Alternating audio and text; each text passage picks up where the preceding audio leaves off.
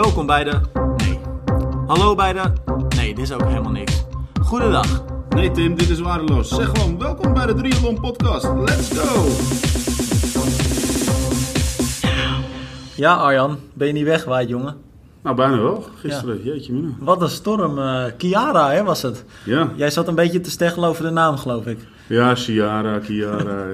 Maakt het uit, het waaide hard. Ja, heel wat evenement ook eh, afgelast. Eh Schorrel, eh, ik zou hem zelf dan lopen, was afgelast. Natuurlijk ook de cross eh duathlon Ja. in eh Etteleur.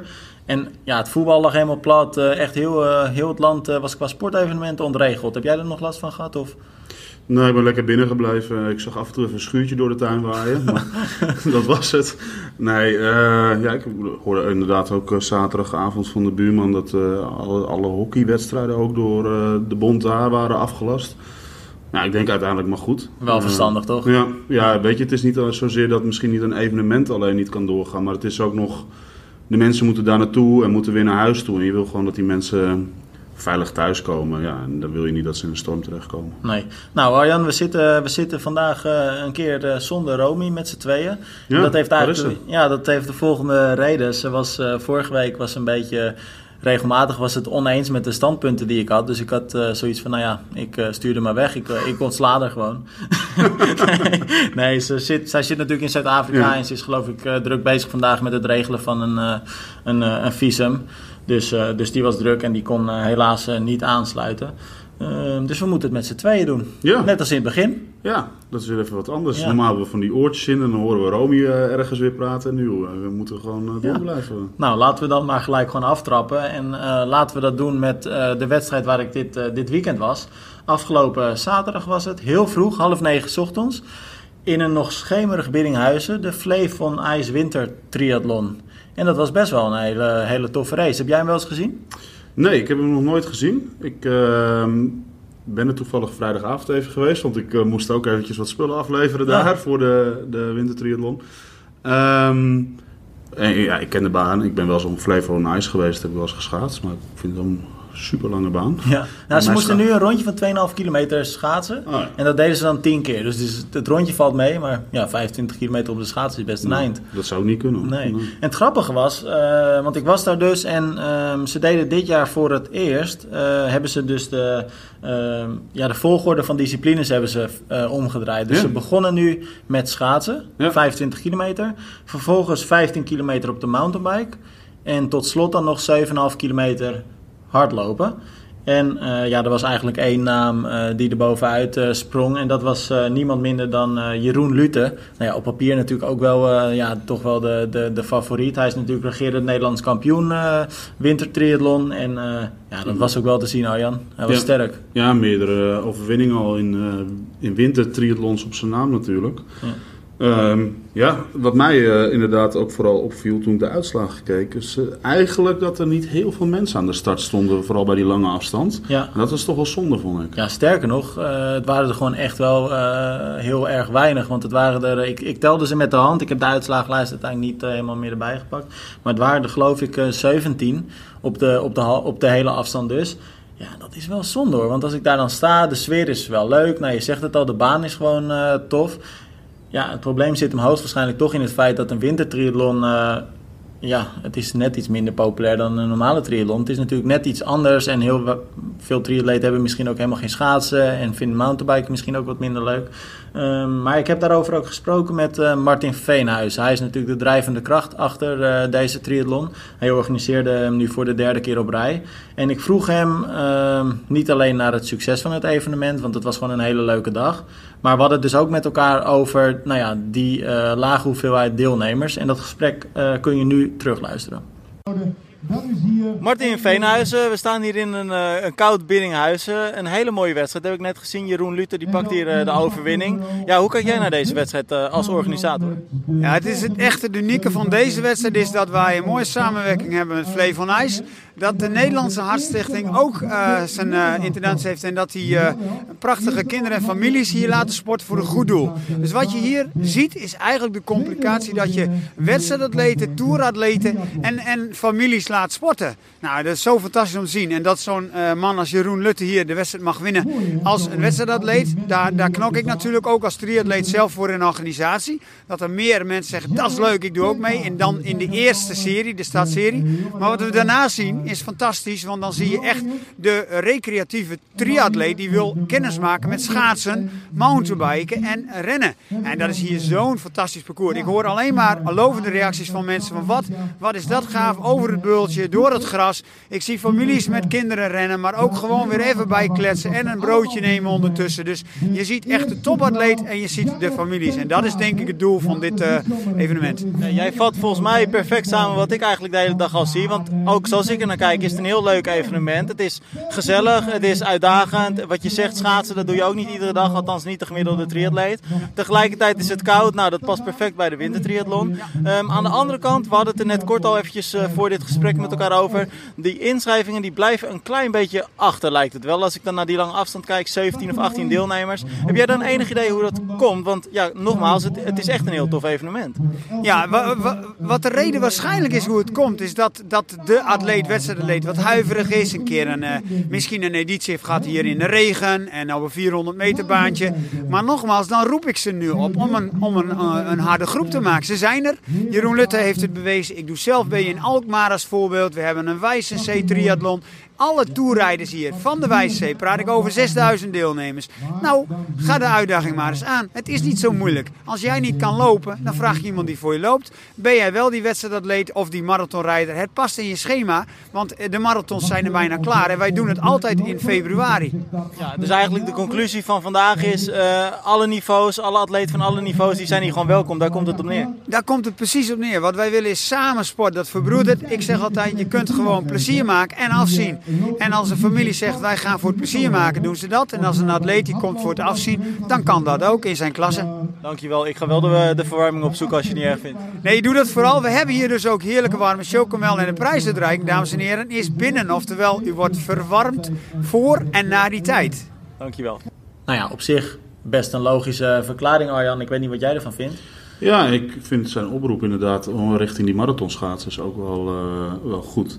Want ik was daar dus die vrijdag ook. Uh, ik vertelde even wat spulletjes afleveren. En uh, tijdens dat ik daar was, was nog het Nederlands kampioenschap een Masters uh, schaatsen bezig. Marathon schaatsen? Marathon schaatsen, ja. ja. Dat woord zocht ik, dank je. Um, als je dan ziet wat daar op de been staat, qua atleten denk ja, als je daar toch gewoon nou, 10% bijvoorbeeld van die atleten mee kan laten doen aan zo'n uh, wintertriathlon. Want over het algemeen kunnen die eh, schaatsers in ieder geval heel goed fietsen. En de meeste ook nog wel redelijk hard lopen. Ja, dan heb je toch een heel leuk deelnemersveld. Ja. Maar ja, je moet er ook maar zin in hebben natuurlijk. Hè, om van die schaatsen af te gaan en uh, dan nog die mountainbike op en vervolgens nog je loopschoenen aan. Ja, dat is best wel een pittige combinatie. Ja, en, en daarbij is de datum denk ik uh, het zit natuurlijk vroeg in februari, midden in het marathonseizoen. De Wuizenzee is net geweest. Uh, nou ja, dan het Nederlands kampioenschap en Masters marathon schaatsen.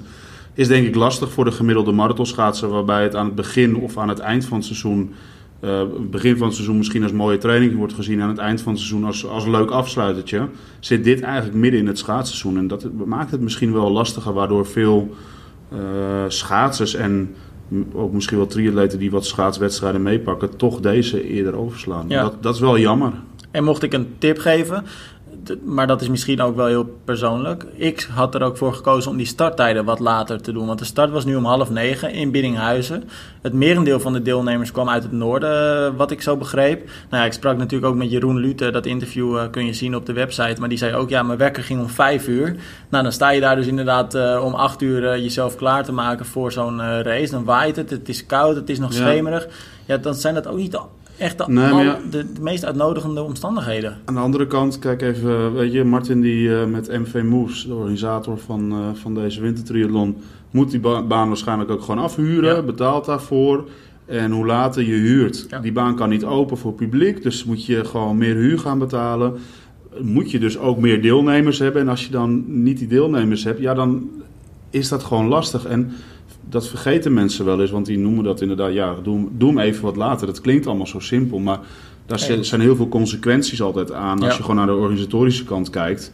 En ik kan me zomaar voorstellen dat dit een van de consequenties is dat dan het inschrijfgeld verdubbeld moet worden. En ja, dat wil je ook niet, want je wilt dan wel een laag eh inschrijftarief handhaven omdat je zoveel mogelijk deelnemers weer wilt hebben. Dus Ja. het is, ja, het is, een, het is zo'n beetje op zo'n weegschaal waar je zit. Wat kan je wel en wat kan je niet? Ja. En dat is gewoon heel lastig. Nou ja, en ik zou toch nog eh, zeggen, eh, mocht je inderdaad eens een keer iets al heel anders willen proberen, zet deze voor volgend jaar zeker eens in je agenda. Want nou ja, nogmaals, de omgeving is echt heel leuk.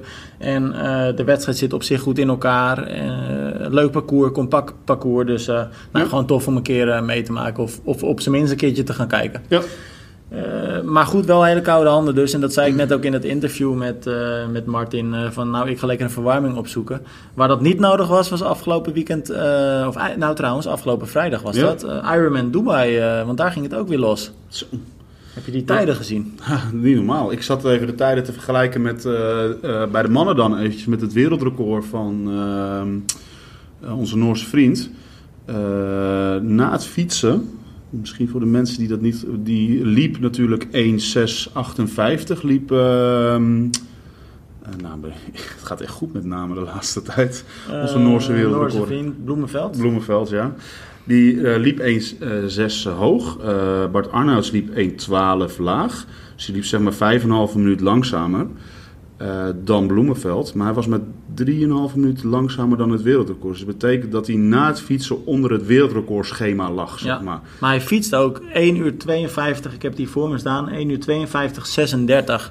Dat is nou ja, ervan uitgaande dus dat een, eh, dat parcours echt 90 kilometer eh, rond is. Dan kom je dus op een gemiddelde van ruim 48. Eh, Stef Overmars die wees me daar nog eventjes op, want ik had eerst opgeschreven ruim 50, maar dat klopte niet helemaal in de app. Maar goed, ruim 48 kilometer per uur dus. Dat is krankjorum hard hè. Ja, weet je, wij hadden het er natuurlijk al eventjes over. We spraken elkaar eh, zaterdagavond hierover. Ja, weet je, dit zijn echt gewoon... Het kan natuurlijk daar als de wind goed staat, eh, lange rechte wegen, goede omstandigheden. Maar ook al is, zou het iets korter zijn, dan is het nog krankjorenhard. Eh ja, 1,52. Ja. Come on. Ja, dit is gewoon ja, bijna bovenmenselijk zou ik willen zeggen. Maar ja, de Belgen tonen wel dat ze al vroeg goed in vorm zijn. Want niet alleen eh, Bart eh, deed goede zaken, want ook Pieter Hemerijk was echt weer goed onderweg. Liepen lang samen nog tijdens die afsluitende halve marathon. Uiteindelijk moest, die, eh, moest Pieter Bart wel laten gaan. Maar ja, ook daar gewoon in 3.35. Er zat eh 1 minuut eh 25 of zo tussen. Zat er 1 minuut der- 30 3, ongeveer. eh, 336 eh Nee, kwam Bo- binnen. Dat was Boden. Oh, nou zit ik zelf inderdaad schuin te Ja. kijken. Hemerijk 335. Maar ik had het niet verwacht eh, dat, dat Hemerijk eh, op die... Of althans, niet dat hij op die halve marathon nog geklopt zou worden eh, door Arnouds. Nou ja, Arnaud is een sterke loper. Eh, Hemerijk een sterke ook. fietser. Ja, Hemerijk ook. Eh Arnaud, of, eh, Hemerijk is wel bezig met zijn opbouw richting zijn eerste eh, Ironman afstand. Zijn eerste hele. Dus ja, misschien heeft hij wat in snelheid in moeten boeten ten opzichte van vorig jaar. Misschien is hij nog volop in de voorbereiding. Dat is allemaal een beetje koffiedik kijken. Maar het verbaasde me wel dat die twee mannen zo, eh, zo hard gingen. Ja. En zo goed waren al zo vroeg in het, Weet je wat, seizoen. wat ik grappig vond om te zien? Eh, dat plaatje heb je ongetwijfeld ook voorbij zien komen. Echt nog geen half uur na de finish kwam het plaatje online waarop de schoenen van de winnaars eh, te zien waren. Ja. En wat bleek, het was niet de, de Nike Vaporfly van Pieter waarmee gewonnen werd, maar dus de On van, van Arnouds. Ja, dat Dus- was wel heel mooi, want één was de onrunning van Arnouds, twee was de Nike Vaporfly van, eh Hemerijk. En drie was Bodem met Hoka One X, dat is car, car- carbon. Ook zo'n mij. carbon eh, schoen. Ook een carbon schoen en nou ja, daar eh, kwamen de reacties natuurlijk onder van mensen die onrunning een, een warm hart toedragen van zie je wel, Dus zelfs dat is nog beter dan die, dan die mechanische doping zoals sommigen het noemden. Ja. Eh, De schoen zegt echt niet alles dus. Nee, En hij is niet. goedgekeurd, hè, die, die Vaporfly. Ja. Dus eh, einde met dat eh gezeur, toch? Ja, voor mij wel. En we moeten het ermee doen. Dat is hetzelfde. We hebben het toen ook een keer benoemd. Ja, klapschaatsen waren. In het begin was er ook heel veel ophef over. En moest worden afgeschaft. Zou worden, niet worden goedgekeurd. Is uiteindelijk wel goedgekeurd. En nu schaatst ook iedereen erop. Ja, dus misschien is dat gewoon wel de nieuwe toekomst die we Ja. bij de hardloopschoenen zien. Waar liep die, die vrouwelijke winnaar eigenlijk op? Die Imogen Simmons.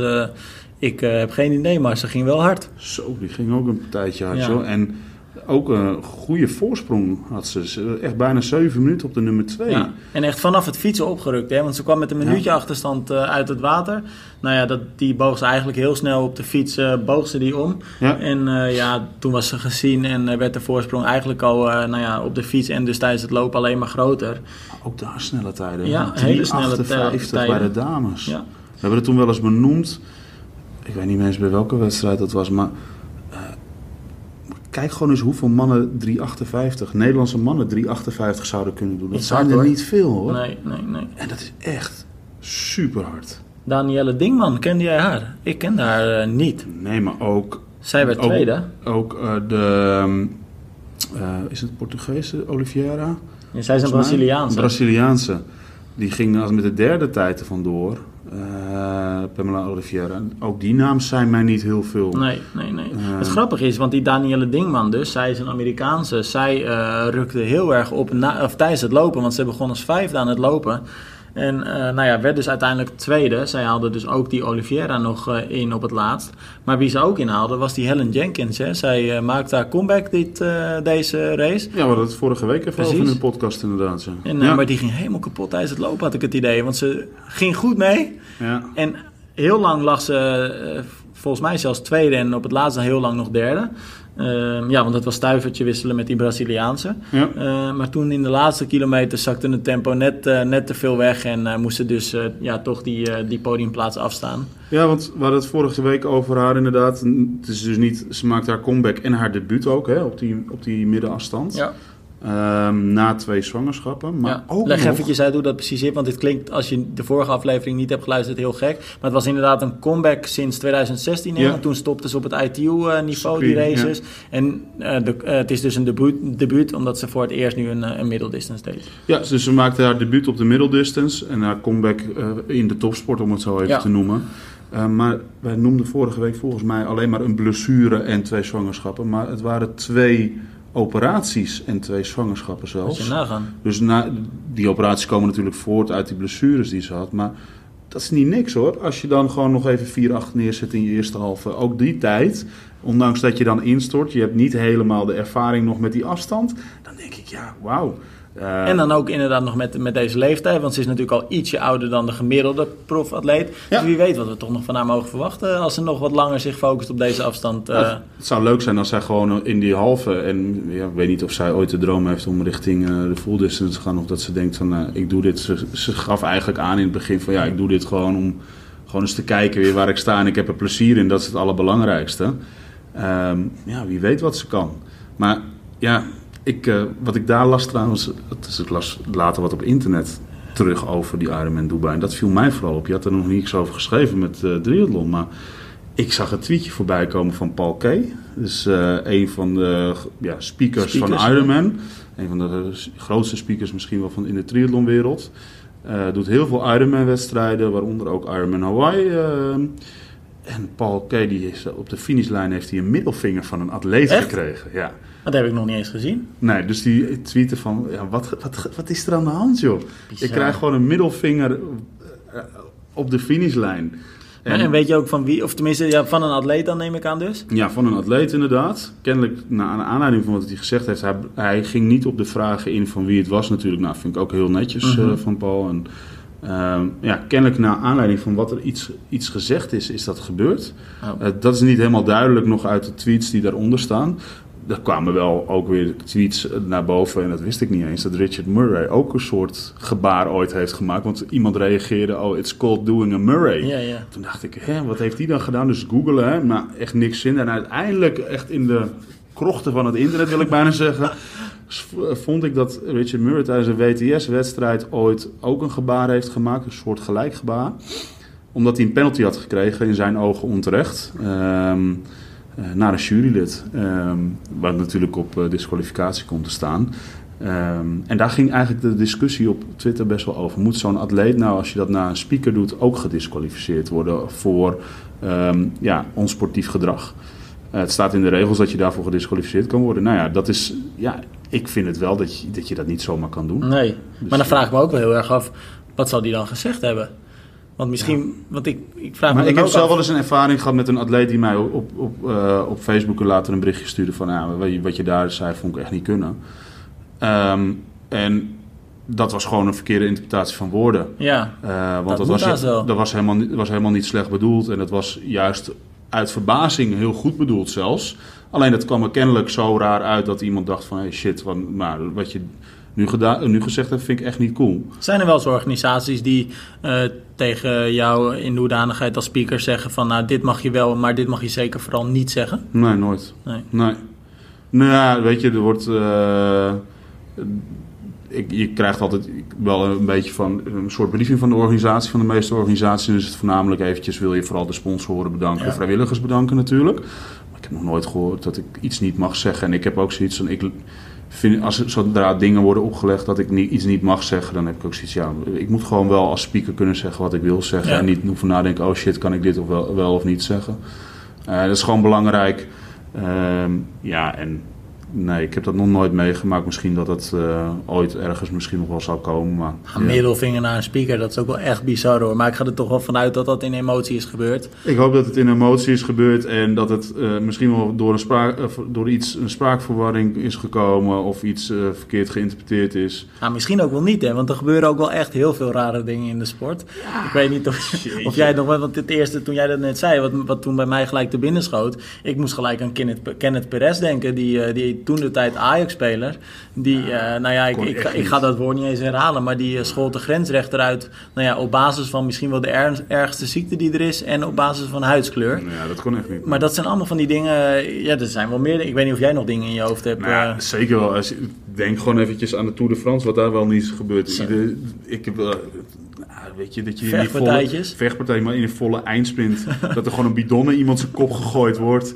Ehm, maar ja, van dat soort dingen tot Kopstootjes worden er gegeven. in ook dat ja, gewoon eh, helemaal tegen elkaar en dan steeds Ja, iets verder. ja. Maar er zijn gewoon heel veel dingen die gebeuren. Nou, de, nou de, eh, een van de ergste vind ik natuurlijk wel. En ook dat denk ik dat het niet zo be- gebeurd is, maar wordt natuurlijk wel heel groot eh, opgepakt. En ik vind het absoluut niet kunnen wat hij gezegd heeft. Is Marco van Basten, wat hij zei op tv. Dat is een paar weken terug. Ja, ja, een paar maanden, een paar weken terug. Ja, Sigel, hè, zei hij toen. Dat, eh, dat, dat kan, het kan natuurlijk, het kan echt niet. nee. Alleen ook dat. Maar dat gebeurt dan ook niet in emotie of zo. Dat, dat was meer een soort van ja, café-achtige setting, grap eh, die hij daar dan maakt. Maar je weet gewoon dat die camera's erop staan. Waarom doe je dat dan, hè? Ja, maar omdat je waarschijnlijk in, in je hoofd zoiets hebt. En ik wil het niet goed praten voor Van Basten, want ik vind het gewoon absoluut niet kunnen.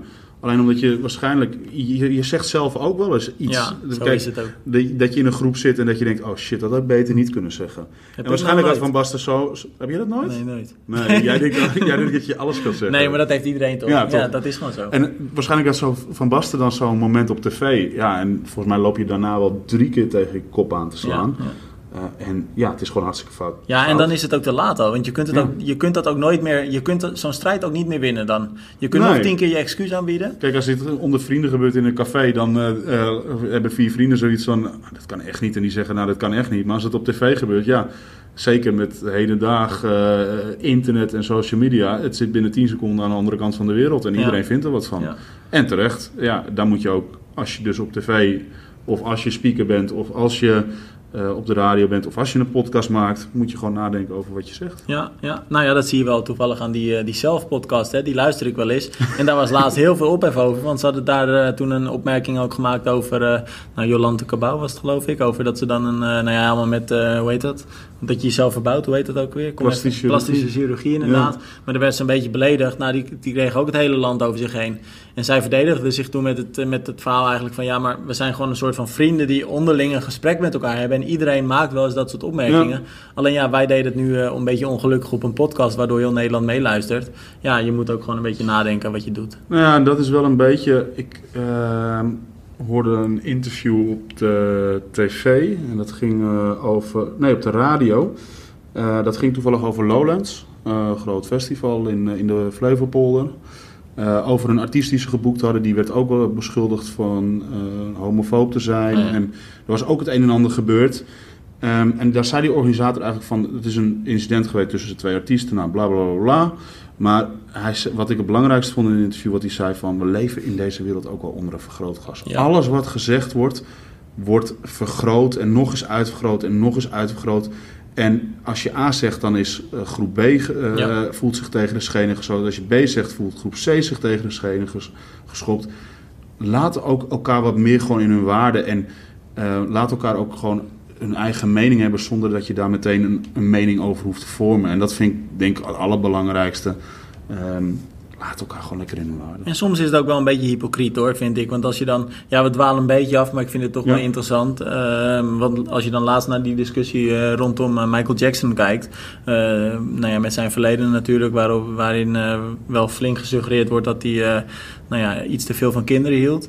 Eh, maar dan wordt er op een gegeven moment gezegd, nou, we gaan zijn muziek niet meer draaien en radiostations moeten dat niet meer doen. En dan hoor je een paar weken inderdaad bijna geen muziek meer van Michael Jackson. Maar nu hoor je het gewoon weer overal. En eh, weet je, soms worden dingen dan ook zo groot gemaakt en dan denk ik, doe toch lekker normaal joh. Heb je dat ook niet? Ja, zeker. Weet je, ehm, nou, net wat ik zeg, ik, net wat ik zei van het interview van die organisatie van Lowlands, daar ben ik het gewoon mee eens. Eh, tenzij het echt racistisch is, tenzij het echt beledigend is, laat elkaar gewoon in, in, in elkaars waarde. En weet je, hoeft niet overal een, een mening over iemand te hebben. Kijk, dan is het gewoon goed. Precies. Laten we lekker terug naar triathlon Ja. gaan. Eh, veel leuker toch? Jan Frodeno, eh, laten we het daar eens over hebben. Want ik zag een mooie verhaal van, van Romy. ehm, die dat ergens op een internationale website weer had opgepikt. Ehm, want dat ging over de discussie. Monstertrainingen, dus oftewel lange trainingen. ehm, hebben we daar als triatleten nou heel veel baat bij? Of moeten we dat misschien iets meer skippen? Ik vind het altijd wel moeilijk. Wat is een monstertraining? Ja. Weet Nou ja, je- Jan Frodeno die haalde bijvoorbeeld als voorbeeld aan eh, een 180 kilometer rit en dan nog even een duurloopje van 20 kilometer achter elkaar. Eh, dat, nou, dat noemt hij dus een monstertraining. Ja, nee, dat snap ik. Dat, dat, ja, dat, dat had ik gelezen. Maar ik bedoel meer van wat, waar leg je de grens op een gegeven moment? Kijk, als jij bij wijze van spreken eh, een eh, leuke toertocht gaat doen van 180 kilometer, ik noem maar wat, vind ik dat niet eens een monstertraining. Nee, Heb ik zoiets van, ja, dat is gewoon lekker bouwen aan die basis en, en oké. Relaxed. Tenzij je het weer doet, die 100, zelfde 180 kilometer in wedstrijdtempo plus. Ja. Dan denk ik weer, ja, dat is wel weer een monstertraining. dat schrijft hij ook, hè? of dat Ja. zegt hij ook. Want hij zegt dan rijden die gasten rijden dan 180 kilometer in, eh in 4 uur of 4,5 uur. En dan lopen ze nog even een, een halve marathon in 3 minuten 40 per kilometer. Maar hij, hij geeft hier gewoon mee af aan, aan- aan Wurf natuurlijk. Hij heeft gewoon even. Wurf gezien wat hij, wat hij doet. ja. En, En Sanders. en Zenders. En, en die, die denkt van, ja, die zijn gek. Ja. En natuurlijk is dat ook gek. Maar de- de- ook hier hebben we het wel vaker over gehad. Kijk, niet elke, elke atleet is hetzelfde. En je kan niet, de ene heeft het gewoon veel meer nodig om die langere trainingen te doen en meer eh, wedstrijdhardheid te krijgen. En Frodeno heeft misschien nu wel de ervaring dat hij het niet nodig heeft, maar weer hele andere trainingen nodig heeft. Waarvan, ik noem maar eventjes een willekeurige naam, ik noem het gewoon maar even Pietje. Waarvan Pietje zegt, ja, maar dat moet ik juist niet doen. Ja. Nou, wat hij zegt, ik vind het wel interessant. Want hij zegt eigenlijk precies wat jij nu zegt. Maar hij, wat hij aangeeft is, ehm, hij is heel erg van overtuigd dat atleten vooral denken dat ze het nodig hebben. En dat ze het daarom dus mentaal nodig hebben. Maar dat je het lichamelijk, fysiek eigenlijk gewoon niet nodig hebt. En dat alle testen aantonen dat een... Dat, Tuurlijk, je moet, die atleten trainen natuurlijk nog steeds 25 uur per week. Maar dat alle testen eigenlijk aantonen dat je die echte monstertrainingen, dat je dat dus gewoon niet nodig hebt. En dat, ook al heb je misschien het gevoel dat je het wel nodig hebt, dat schijnt dus niet zo te zijn. Ja, maar dat geloof ik ook wel. Daar, daar geloof ik ook wel in wat hij zegt. Want ja, weet je, ik ben zelf ook atleet geweest en dan niet... Ja, ik heb één keer een hele gedaan, maar... eh, ik heb ook wel eens wel trainingskilometers gemaakt in het verleden. En daar denk ik af en toe ook wel eens van. Dat is eigenlijk gewoon veel te veel geweest. Wat voor uren maakte jij in een week? Nou, het was heel verschillend. Hè. Ik heb wel eens, eh, toen als eh, laatste jaar junior ben ik met de seniorenselectie eh, toen mee geweest. Op Mallorca was dat twee weken trainen. Ja, daar werden trains, trainingsweken van 30 uur gemaakt. Dus 30 plus uur soms Dat wel. veel. En ja, achteraf is dat gewoon veel te veel geweest. Ik ben dat seizoen ook, denk ik, ja, ik kan dat nooit bewijzen, maar wel een deel overtraind geweest. Eh, dat heeft mij niet goed gedaan. Eh, en ik daar, ja, wij, maakten, wij deden daar eigenlijk ook toen de tijd, was dat. eh, je doet allemaal training A, B, C allemaal samen. Terwijl, ja, weet je, degene die in de selectie zaten, waren, was heel verschillend.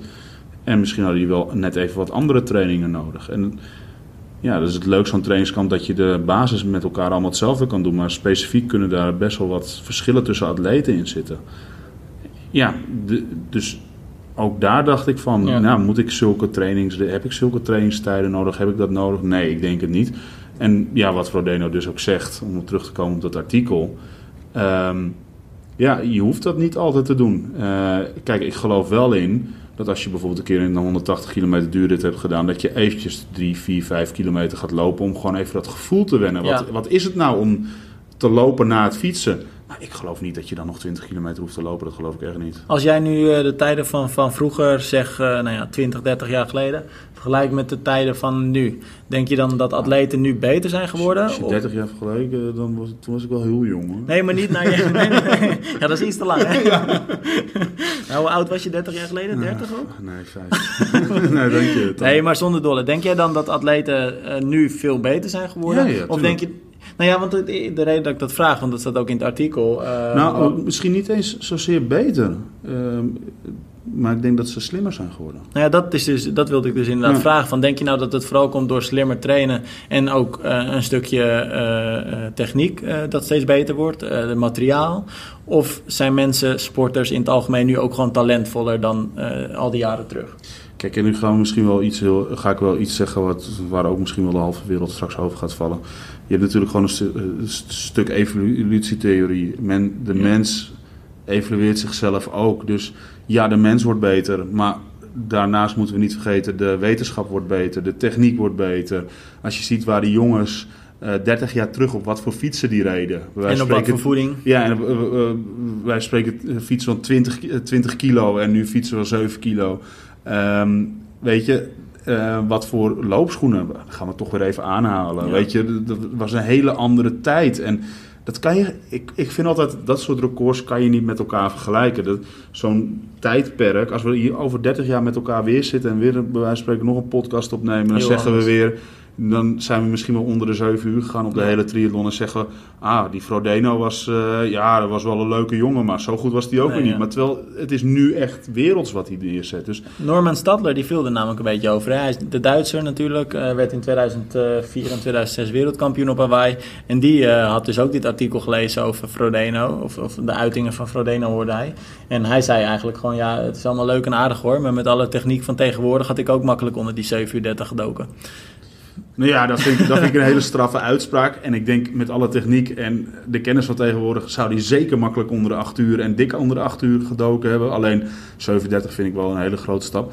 Maar dat is net wat we zeggen. Die, Norman Stadler was ook een grootheid in zijn tijdperk, om het maar even zo te noemen. Dat is hetzelfde. Kijk naar de tennis.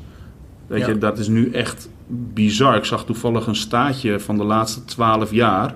Daar hebben Federer, ehm, nou, Djokovic en Nadal, Nadal. hebben volgens mij 95% van alle Grand Slams gewonnen. ja. Dat, is echt, dat is echt iets groots. Dat zijn bijna twee tijdperken achter elkaar. En ja, die, die zijn echt iets groots aan het doen. Ehm, maar deze jongens ook, die waren in hun tijd waren dat grootheden. En zijn dat nog steeds voor mij. En je kan dat gewoon niet met elkaar vergelijken. Want een tennis, om even terug te gaan naar de tennis. Een tennisracket die McEnroe in zijn handen had, is heel anders dan een tennisracket die Nadal in zijn handen heeft. En wie is er beter? Ja, ik vind dat je dat niet zo kan zeggen. Ik werd afgelopen jaar zesde bij de padeltriathlon in Zeewolde. Ben ik dan ook een grootheid? Jij, jij bent voor mij, ja, nou, Toch wel, hè? Ja. nee, maar ik ben het helemaal met je eens. Het is- je kunt het gewoon niet met elkaar vergelijken, daar komt het op neer. Eh, Maar één ding is zeker. ehm, de opvattingen erover veranderen wel echt. De, de- het Ja. verschuift echt heel erg van ehm, langere, rustige trainingen naar iets kortere en meer intensieve trainingen. Dat is volgens mij een beetje het statement wat, eh wat Frodeno maakt. En nou ja, voor- Nee, maar ik heb, wel- ik heb wel eens atleten horen zeggen van, ehm, ik weet niet eens meer wie. Weet je, als ik een marathon, voor een marathon train, hoef ik echt niet langer dan 30 kilometer te lopen. Als ik Ja. 30 kilometer, dan haal ik die laatste 10 kilometer ook nog wel. En daar ligt niet mijn winst in training om dan een eh duurloop van 40 kilometer te gaan doen. als ik naar mezelf kijk, vind ik het toch wel lekker om op zijn minst die 36 aan te tikken. 5, Ja, maar dat 36. is wel zo'n mentaal, Mentaal dingetje weer. Hè? Van, omdat je dan denkt, oh, dan heb ik een keer die afstand gelopen en dan, dan lukt me dat. Ja. Maar waarschijnlijk, je hebt het helemaal niet nodig. Want je, kan het, je kunt het gewoon. En dat is denk ik meer wat, wat Frodeno Ja. ook bedoelt in zijn artikel. Van mensen hebben gewoon af en toe even de bevestiging nodig. Ja, dat is het. Nou, in ieder geval eh, tof om te lezen en interessant ook. eh, mocht je nog wat, eh, wat trainingstips eh, kunnen gebruiken. Nou, nou ik ja, ben ook wel benieuwd wat de luisteraar hiervan vindt. Dus als je hier een bepaalde mening over hebt. Nou, we posten natuurlijk straks op social media dat deze podcast weer live staat. Geef vooral even een berichtje. En eh, wie weet eh, behandelen we die Nou, volgende we week wel een. Instagram-polletje eraan Ja. aan wijden. Ik denk dat dat misschien leuker is. Ja. Dat gaan we deze week zeker doen. Ehm, en aankomend weekend gaan we ook zeker weer wedstrijden volgen. En in tegenstelling tot de afgelopen drie weken waarin we twee Ironmans, de eerste twee Ironmans van het seizoen hebben gevolgd... Mogen we deze week, dit weekend, zaterdag eh, uit mijn hoofd, eh, met de eerste challenge eh, aan de slag. Challenge Wanneka staat dan op het programma. En dit jaar voor het eerst geen hele. Is dat zo? Ja, want, Dit jaar geen hele, maar is dat voor het eerst? Dat was vorig jaar ook al. Nou, in ieder geval Dat hebben ze heel lang hebben ze dubbel gehad, de hele en de halve. Mhm. En dit jaar alleen een, een halve. Maar wel met een Nederlander aan de start. Als aidsgroeper. Als Tom. Oosterdijk. Ja. Hij gaat starten als aidsgroeper. En eh, ik zag een berichtje van hem. Hij is aan het trainen met... eh, of sterker nog, ik zag een berichtje van Joe Skipper. Ja, die zag ik ook, ja. ja. En hij is aan het trainen met... eh, nou ja, met, zij zijn met elkaar aan het trainen Ja. dus. En ja, was wel leuk, was een een, eh, eh, want ook daar was er behoorlijk wat wind. En Ja. eh poster Joe, Heuvelachtig. heuvelachtig, maar ze haalde snelheden van eh, boven de 50 km per uur op de terugweg met- het windje mee. Tja. En het was heel easy, zei hij nou nog, voelde het aan. Toen dacht ik, mwah. Ik ben, wel, ik ben wel benieuwd naar Joe eh, dit seizoen. Hij is natuurlijk wat, wat ongelukkig geweest afgelopen seizoen. Een paar goede prestaties, maar ook wel heel veel eh, nou ja, blessurepech eh, eh, gehad. Nou, In potentie denk ik dat het eh, een, eh, een van de toppers, eh, nieuwe toppers Ja. kan zijn. Hij kan heel hard lopen, hij kan echt heel hard fietsen. Ik heb Hij is mentaal heel sterk, hè? want Ja. hij doet een tijdrit van 300 kilometer, deed hij. Ja, maar heb je dat dan nodig volgens Frodeno? Nee, dat is waar. nee, maar, maar zonder grappen. Maar hij, ehm, ja, hij heeft alles in zich om eh, echt wel... En hij heeft het natuurlijk al laten zien, hè, top 10 notering in Hawaii. Maar ik denk dat hij, gewonnen. Ja, ik denk dat hij echt wel eh, richting de top 3 in Hawaii kan gaan. eh, als hij eh, als hij zich blijft doorontwikkelen. Ja. Want eh, zijn loop, en dat komt er echt niet altijd uit, maar zijn loop is echt fenomenaal. Ja, nou en dan dus Tom Oostenrijk als acegroeper. Eh nou, ik ben benieuwd. Ik bedoel, eh, Tom is natuurlijk ook een, eh, een alleraardigste triatleet die eh, heel goed presteert. Ja, En eh, nou ja, hij won eh, natuurlijk laatste Cork was het denk ik, vorig jaar in Ja. Ierland. En eh, nou ja, wie weet wat hij hier in Nieuw-Zeeland eh, kan, gaan, kan gaan doen. Dus we gaan het, we gaan het volgen. En ik dan, ben wel benieuwd naar Tom zijn wedstrijdschema nu Ja. hij eh, in Nieuw-Zeeland start, waar hij dit jaar gaat eindigen. Dus misschien dat we Tom wel eens eventjes kunnen gaan vragen wat zijn plannen zijn voor aankomend jaar. En ergens heb ik toch ook gelezen dat hij ooit wel de overstap naar pro wi- wilde gaan maken. Dus ehm, ja, misschien dat eh, dit jaar dan zijn laatste agegroepjaar is. Ja, hopelijk een succesvolle dan. Het Ja. wordt in ieder geval een lang seizoen denk ik voor hem als hij nu al begint. eh. Ja, nou leuk. We gaan het aankomend weekend volgen. We gaan het inderdaad weer volgen. Arjan, mag ik jou weer bedanken? Ja, bedankt. Jij ook. En eh, we spreken elkaar.